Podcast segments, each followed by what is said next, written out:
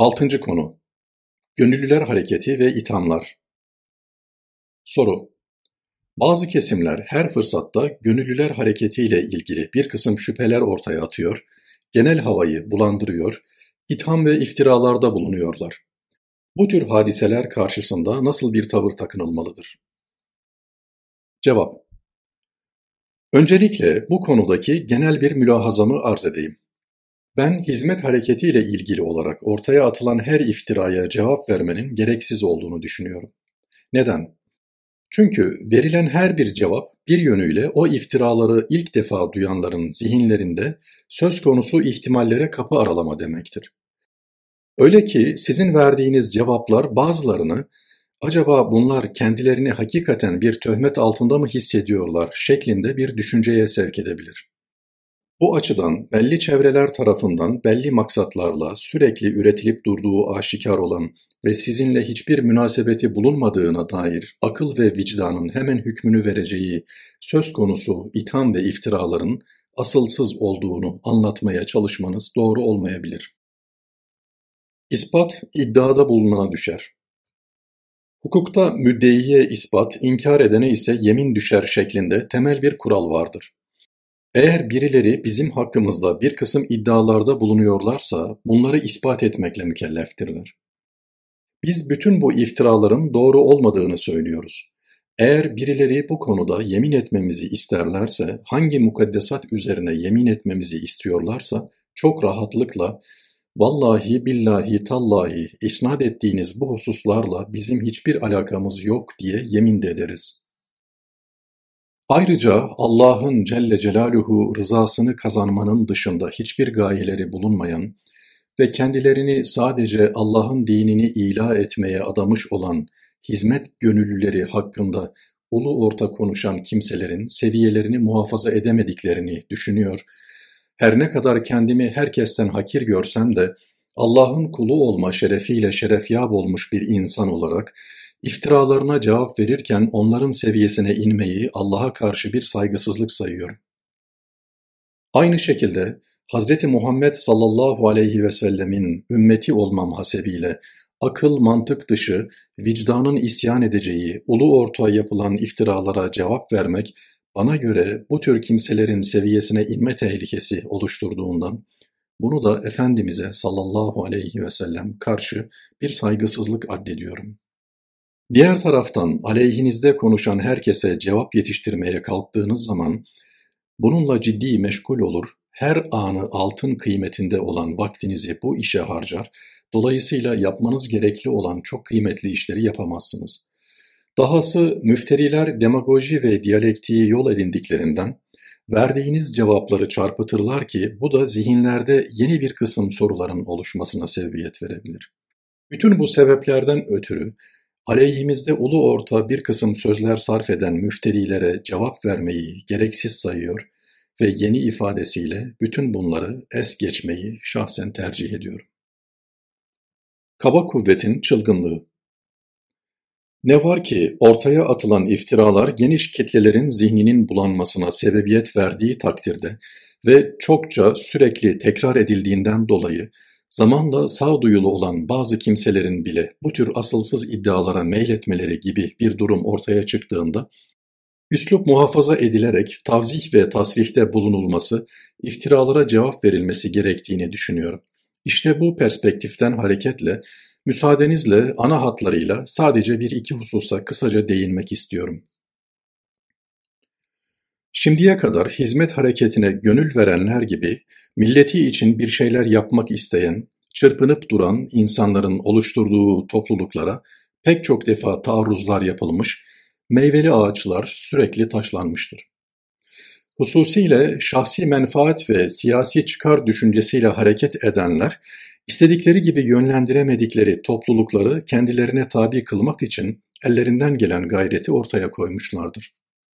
Gün gelmiş, hak ve adalet duygusuyla tadil edilemeyen kaba kuvvet, milletin kaderine hakim olunca, madem güçlüyüm, her ne yaparsam yapayım o benim hakkımdır Kimse bu mevzuda bana itiraz edemez şeklindeki kafirce düşünce biricik ölçü kabul edilmiştir. Öyle ki milletin kanaatine saygının ifade edildiği ve meclisin alnına hakimiyet bila kaydu şart milletindir ifadesinin kaydedildiği bir dönemde bile millet tarafından seçilerek oraya gönderilen insanlar defaatle engellenmiş hatta bertaraf edilmişlerdir. İşte bütün bu hadiselere yol açan temel düşünceyi arka planıyla birlikte iyi kavramak gerekir. Kaba kuvvete dayanan bir kesim Madem ben güçlüyüm, öyleyse ne yaparsam yapayım, millet bunu haksızlık ve adaletsizlik olarak görmemelidir. Hatta ben icabında kelleler bile alabilirim. Aldığım bu kelleler de kendi düşünce dünyama göre kurmak istediğim sisteme feda olsun şeklinde düşünebilir. Nitekim bazıları tarafından bu tür düşünceler telaffuzda edildi. Darwinizmin dile getirdiği natürel seleksiyona karşı bunlarınkine de idari veya iradi seleksiyon diyebilirsiniz. Aslında bütün bunların temelinde kadimden bu yana devam edip giden iman küfür, iman nifak mücadelesi yatmaktadır. Şeytani vesveseyle peygamberane ilham, Allah yoluyla şeytan yolu her zaman birbiriyle rekabet içinde olmuştur.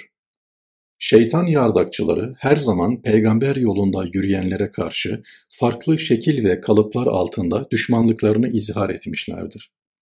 Ne var ki birileri bu Faust-Mephisto mücadelesini doğrudan doğruya dini ve dindarları hedef alarak yürütürken, bazıları da dindar görünmek suretiyle aynı şeyi yapmışlardır. Evet, bu iki kesimin yol ve yöntemleri farklı olsa da mücadeleleri, mücadeleleriyle ulaşmak istedikleri hedef aynıdır. Cennete merdiven dayasanız dahi. Günümüzde Allah'ın izni ve inayetiyle dünyanın dört bir yanına açılan adanmış ruhların eliyle çok önemli hizmetler yapılıyor. Anadolu insanının ektiği tohumlar inşallah 10 sene 20 sene sonra toprağa ekilen tohumların filizlenmesi gibi neşv nema bulacak.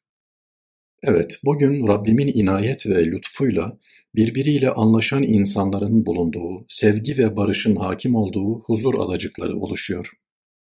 İşte bütün bu gelişmeler hazım problemi yaşayan, kavga yanlısı olan, haset, kin ve nefrete kilitli insanları rahatsız eder, etmiştir, edecektir. Onlar bütün imkanlarını hayır yolunda değil de yeni bir baharın gelmesi adına seferber olan insanları yürüdükleri yoldan vazgeçirme istikametinde kullanacak, yürüttükleri psikolojik savaşla Anadolu insanının kuvve-i maneviyesini kırmaya ve onların morallerini bozmaya çalışacaklardır. Çamur at izi kalsın mülahazasıyla hareket edecek, aklı selimin kabullenmesi mümkün olmayan nice iftiralar ortaya atacak ve yığın kategorisinde mütalaa edilebilecek insanların bakışlarını bulandırıp başlarını döndürmeye çalışacaklardır. Onların niyet ve düşünceleri bozuk olduğundan siz ne yaparsanız yapın, yine de onları memnun edemeyecek ve yürütecekleri karalama kampanyalarının önüne geçemeyeceksiniz. Öyle ki onlar en masum ve en makul faaliyetleriniz hakkında bile zihinlerde şüphe uyarmaya çalışacaklardır. Hatta siz farz muhal insanları cennetin göbeğine çıkartacak bir helezon kursanız, böylece bazılarının cennete girmesine vesile olsanız, onlar yine de demagoji ve diyalektikle sizde bir şekilde tenkit edecek bir yer bulacaklardır. Mesela diyeceklerdir ki, neden merdiven kurmak suretiyle cennete girecek insanlara zahmet veriyorsunuz? Buraya bir rampa yapsaydınız ve insanları da bir rokete bindirseydiniz çok daha rahat bir şekilde onları cennete gönderebilirdiniz. Zayıfken zelil, güçlüyken zalim. Şartların müsait olmadığı dönemlerde demokratik ve tarafsız davranıyormuş gibi görünmeye çalışan bu kişiler Gücü ellerine geçirdiklerinde kendilerine muhalif gördükleri kesimlerin iflahlarını kesme adına ellerinden geleni yapmışlardır. Fakat unutmamak gerekir ki bugüne kadar falanların iflahlarını kesmek lazım diyerek Allah yolunda yürüyen insanlara ilişenler öyle belalara maruz kalmışlardır ki onların kendi iflahları kesilmiştir.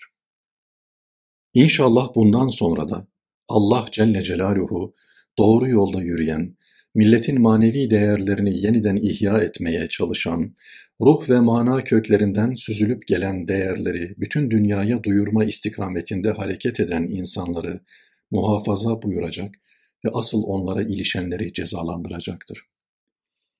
O halde başkaları her ne yaparsa yapsın, Allah'a gönülden inanmış insanlar kendi karakterlerinden asla taviz vermemelidir. Şahsen benim Cenab-ı Hak'tan şöyle bir niyazım var. Ya Rab, bana kötülük yapan insanlara iyilik yapma fırsatı ver. Yüz yüze geldiğim zaman onlara yardım edeyim. Bunun sebebini sorduklarında da herkes kendi karakterinin gereğini sergiler. Sen nasılsan ona göre davrandın. Benim karakterim de böyle davranmayı gerektiriyor diyeyim. Diyeyim de yapılan onca zulüm, haksızlık, gadir ve tahkire rağmen birlik ve beraberlik ruhunun tesisi adına Allah rızası için fedakarlıkta bulunma imkanını elde edeyim. Yedinci konu İftiralar karşısında yapılması gerekenler. Soru Kur'an-ı Kerim'in haber verdiğine göre Firavun Hazreti Musa aleyhisselam hakkında yuridu en yuhricekum min ardikum sizi yerinizden yurdunuzdan çıkarmak istiyor diyerek emniyet ve güven timsali Hazreti Musa'yı gizli ajandaya sahip ve iktidarı için tehlikeli bir kimse gibi göstermeye çalışmıştır. Günümüzde de müminlerin yaptıkları hayırlı faaliyetler hakkında benzer şüpheler oluşturabilmek için bazı odaklar tarafından sürekli iftira üretilmektedir. Bu durum karşısında müminlere düşen vazifeler nelerdir? Cevap şeyden önce inanan insanların temel değerleri itibarıyla şartlara göre tavır değiştirmemeleri, rahat zamanlarda olduğu gibi en amansız ve insafsız saldırılar karşısında da üsluplarını namusları bilerek müstakim bir çizgide sabit kadem olmaları gerekir. Öyle ki onları anlamak ve okumak isteyen insanlar hiçbir zaman zihinlerinde tereddüt oluşturabilecek bir tenakuzla yüz yüze gelmemelidirler. Aksi takdirde inandırıcı olamaz, ruhlarının ilhamlarını başkalarına duyurmada mesafe kat edemezler. Şiddetli fırtınalar ve devrilmeyen çınarlar. Evet, mümin maruz kaldığı hadiseler karşısında asla rüzgarın önündeki savrulan yapraklar gibi olmamalıdır. Bilakis o derinliklere kök salmış ağaçlar gibi her zaman dimdik bir duruş sergilemelidir. Botanikçiler bilir, bazı ülkelerde ağaçların kökleri sağlam olmadığından sert bir rüzgar estiğinde veya biraz fazla kar yağdığında ağaçlar hemen devriliveriyor. Hatta bazen harici bir tesir olmaksızın toprakların yumuşaması bile onların devrilmesi adına yeterli olabiliyor. Bazı ülkelerde ise su bulabilmek için olsa gerek, ağaçlar yerin derinliklerine doğru birkaç metre kök salıyor ve böylece bulundukları yerde şiddetli fırtınalara rağmen sapasağlam duruyorlar. İşte inanmış bir insan böyle olmalıdır. Yoksa şartların lehinde veya aleyhinde olmasına göre vaziyet değiştiren, her bir hadise karşısında daima menfaati istikametinde farklı bir tavır sergileyen insanlar bir müddet sonra inandırıcılıklarını kaybederler.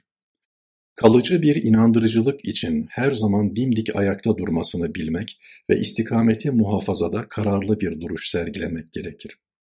Öyle ki 20 sene önce sizin nabzınızı tutmuş ve kalp ritimlerinizi dinlemiş olan insanlar nasıl bir ahenkle karşılaşmışlarsa 20 sene sonra 50 defa feleğin çemberinden geçmiş ve 50 defa preslenmiş olmanıza rağmen nabzınızı tutup kalbinizi dinlediklerinde yine aynı ritimle karşılaşmalıdırlar. Peki bizim hiç hissi infialimiz, hiç feveranımız yok mudur? İnsan olmamız hasebiyle elbette ki bu tür duygular zaman zaman bizim içimize de esip gelebilir.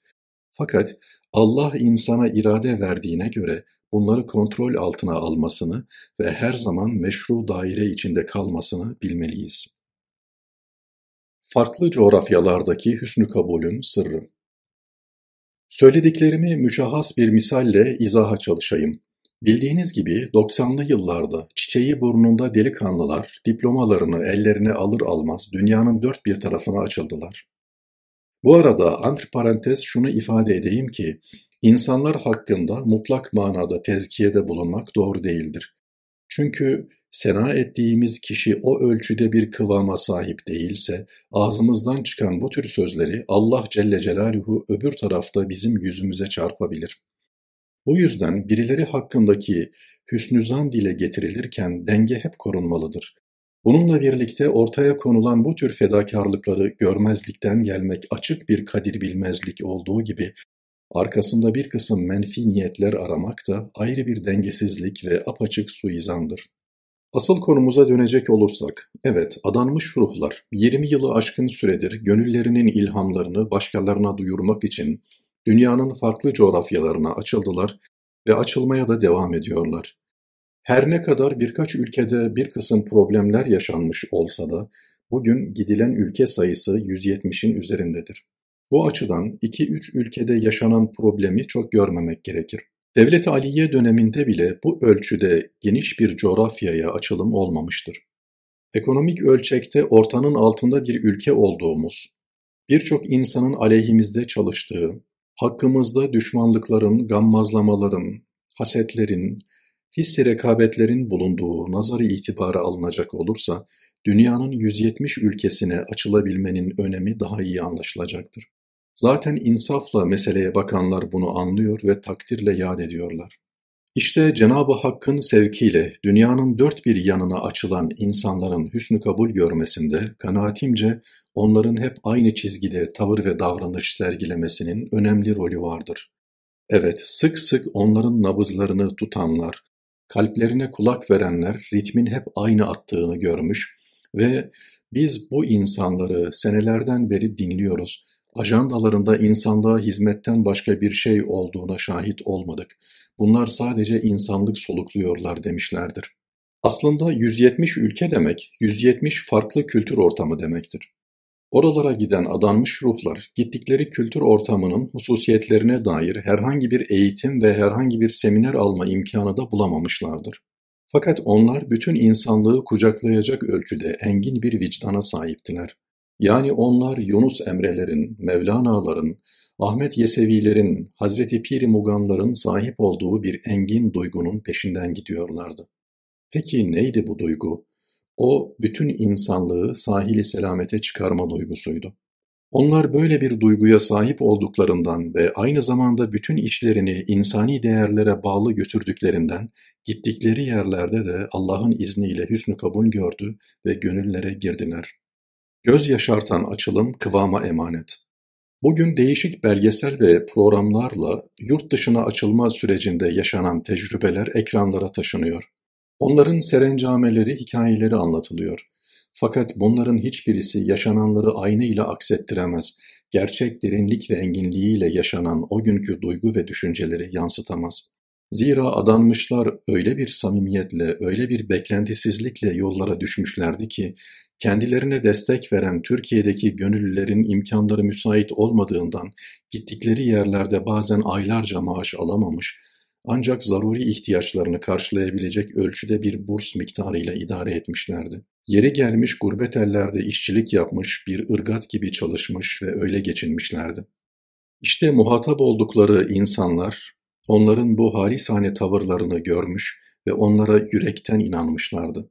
Allah bugün de onları imanda, ihlasta, samimiyette ve vefada sabit kadem eylesin. Zira ciddi bir sadakat, ciddi bir ihlas ve ciddi bir vefa ile başlayan böyle bir hareketin geleceğe yürümesi, kıvamın korunmasına bağlıdır. Allah korusun, bazen kurulan bir sistemin ahenk içinde işlemesi, sistem körlüğü hasıl edebilir. Evet, bazen elde edilen başarı ve muvaffakiyetler insanı gurura sevk edebilir ve onun kendini rahat ve rehavete salmasına sebebiyet verebilir. Bazen de insan zahiri sebepler açısından kendi tavır ve davranışları neticesinde ortaya çıkan güzellikleri kendi istidat ve kabiliyetine, hikmet ve donanımlı düşüncelerine ve üstün fetanetine verebilir. Oysa ki bütün bunlar bünyeye giren öldürücü birer virüs gibidir. Gerekli tedbirler alınmadığı takdirde bu virüsler bünyeyi yere serebilir.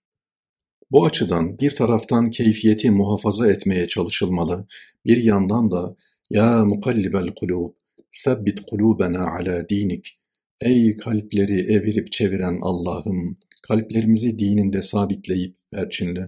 Ya musarrifel kulub, sarrif kulubena ala taatik. Ey kalpleri halden hale koyan Allah'ım, kalplerimizi ibadet-ü taatine yönlendir gibi ifadelerle kaymama, yanılmama ve yanlış yollara girmeme adına Allah'a çok dua edilmelidir. Peygamberlik makamı Hatemül Enbiya Resul-i Ekrem Efendimiz sallallahu aleyhi ve sellem ile son bulmuştur. Ondan sonra hiç kimse için peygamberlik söz konusu değildir, asla düşünülemez. Fakat insan peygamberane bir çizgide, fevkalade bir sadakat, fevkalade bir ismet, fevkalade bir iffet, fevkalade bir hikmet ve fevkalade bir fetanetle onun yolunda olmalı, peygamberlik ufkunu adım adım takip etmeye çalışmalıdır. Esasında ortaya konulan böyle bir kıvamla başkalarının hakkımızda yanlış bir kısım yorumlara girmesinin de önü alınmış olacaktır. Beklenti esarettir. Öte yandan her fırsatta sık sık Allah rızasından başka hiçbir beklentimiz olmadığını hem ifade etmeli hem de tavır ve davranışlarımızla bunu ortaya koymalıyız. Eğer kendilerini iman ve Kur'an hizmetine adayan insanlar yapmış oldukları hizmetleri belli dünyevi beklentilere bağlarlarsa diyet ödeme mecburiyetinde kalır ve kendi hareket alanlarını daraltmış olurlar. Zira her beklenti insanın hürriyetinden bazı şeyleri koparıp götürür. Bu açıdan adanmış ruhlar hürriyete sınır getirebilecek bütün beklentilerden uzak durmasını bilmeli ve aynı zamanda herhangi bir angajmanlığa girmeme konusunda kararlı olmalıdırlar. Onlar elbette ki ülke ve millet için maslahat gördükleri istikamette siyasi bir tercih ortaya koyabilirler.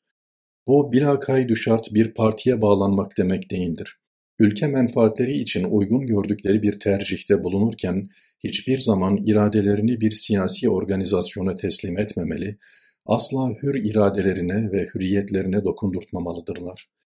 Hürriyeti korumanın en sırlı anahtarı ise Allah'a kulluktur.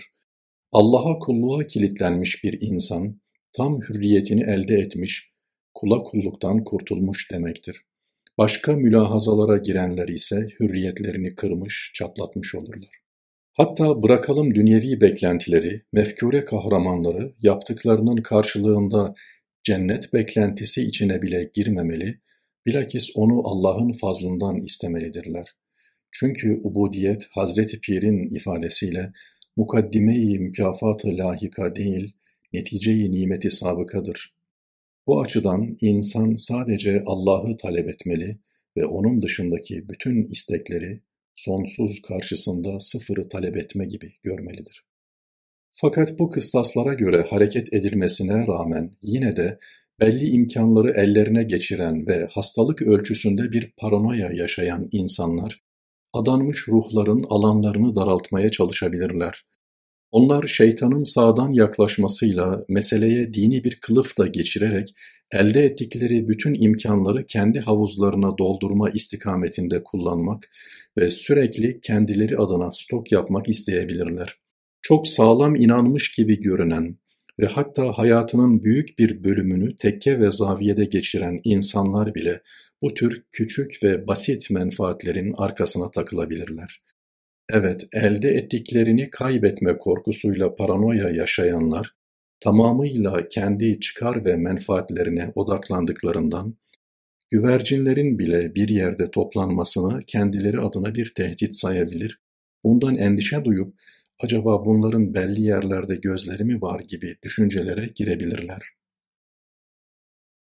Kirlenmiş olanlar çevrelerinde temiz insan istemezler. Bu haleti ruhiyenin sonucunda onlar çevrelerinde iffetli, namuslu ve müstahni insanları görmek istemez, onların mevcudiyetinden dahi rahatsızlık duymaya başlarlar. Onlar bir iş yaparken, bir çevre oluştururken hep kendileriyle aynı zihniyete sahip olan insanları tercih eder ve böylece kendilerini güvene almak isterler. Onlara göre çevrelerinde hep kendileri gibi düşünen insanlar bulunmalıdır ki yarın öbür gün ayıpları görülmesin ve mesavileri başkaları tarafından bilinmesin. Onlar hırsızlık ve haramiliklerinin gizli kalmasını arzuladıklarından mesaviyi mesavi olarak gören insanların içlerinde bulunmasına asla tahammül edemezler. Efendimizin sallallahu aleyhi ve sellem beyanları içinde Temiz insanlar temizlikleri etrafında bir araya gelirken, kirli insanlar da kendi kirlilikleri etrafında bir araya gelirler. Evet, kirliler ismet ve iffetleriyle yaşayan, sadakat ve fedakarlıktan ayrılmayan, her daim nezahetlerini koruyan insanları çevrelerinde istemezler. Ancak bu tür zulüm ve tecavüzler karşısında bile adanmış ruhlar sırat-ı müstakimden ayrılmamalı, duygu ve düşüncede hep dengeli davranmalıdırlar. Onlar kuvve-i akliye, kuvve-i gadabiye ve kuvve-i şeheviye gibi duygularda dengeli oldukları gibi haset, hırs, kin ve nefrete maruz kaldıklarında ortaya koyacakları mücadele tarzında da dengeyi muhafaza etmelidirler. Dengesizler karşısında dengeyi muhafaza. Çünkü asıl hüner başkalarının dengesizlikleri karşısında dengeyi koruyabilmektir. Mesela birileri haset ve çekememezlik duygusuyla sizin üzerinize gelebilirler. Gelecekte bir kısım imkanların ellerinden kaçıp gitmesi korkusuyla size karşı kin ve nefret duygularıyla köpürebilirler. İşte burada bile aynıyla mukabelede bulunmamalı, İmkanı varsa kortekste bu tür olumsuzluklara hiç yer vermeme, onların nöronlara bulaşmasına fırsat tanımama ve geldikleri gibi onları kapı dışarı etme çok önemlidir. Esasen el alem sizi sevip alkışladığı zaman onlara karşı saygı duymak marifet değildir. Marifet odur ki sizi kabul etmeyen, mevcudiyetinizden rahatsızlık duyan insanlar hakkında bile Allah'ım bana naşad olsun diyenler şad olsun, namurad olsun diyenler bermurad olsun diyebilmektir. Hele bu kadar dengesizliğin bulunduğu günümüz dünyasında dengeli olmak daha bir önem arz eder. Kur'an-ı Kerim وَلَا يَجْرِمَنَّكُمْ شَنَآنُ قَوْمٍ عَلَى أَلَّا تَعْدِلُوا Bir kavmin size karşı tecavüz ve saldırıları sizi adaletsizliğe, haksız yere onlara saldırmaya sevk etmesin buyurmuştur. Bu ayet-i kerime Efendimiz'e sallallahu aleyhi ve sellem ve müminlere akla hayale gelmedik zulümlerin yapıldığı bir dönemde nazil olmuştur. Böylece müminlere bütün bu olup bitenleri engin vicdanlarıyla sabırla karşılamaları ve aynıyla mukabelede bulunmamaları emredilmiştir. Dolayısıyla birilerinin naseza, nabeca tavır ve davranışları müminleri hak ve adalet duygusundan ayırmamalıdır. Başkalarının adaletsizlik yapması sizin adaletsizlik yapmanızı asla meşru kılmaz. Siz inanan gönüller olarak her zaman adil olma mecburiyetindesiniz. Eğer bir karalama kampanyası başlatılmış, yapılan zulümler sürekli hale getirilmiş, hiç durmadan sabah akşam zift gibi yalan ve iftira püskürtülüyorsa, bu durumda yerine göre tavzih, tashih, tekzipte bulunulabilir ve tazminat hakları kullanılabilir. Fakat bu hakları kullanırken bile kendimize yaraşır ve yakışır şekilde kendi karakterimizin gereğini sergilememiz gerekir. Evet, kullun ya'melu ala şakiletih. Herkes kendi seciye ve karakterine göre davranır. Bize düşen de her halükarda kendi karakterimizin gereğine göre hareket etmektir.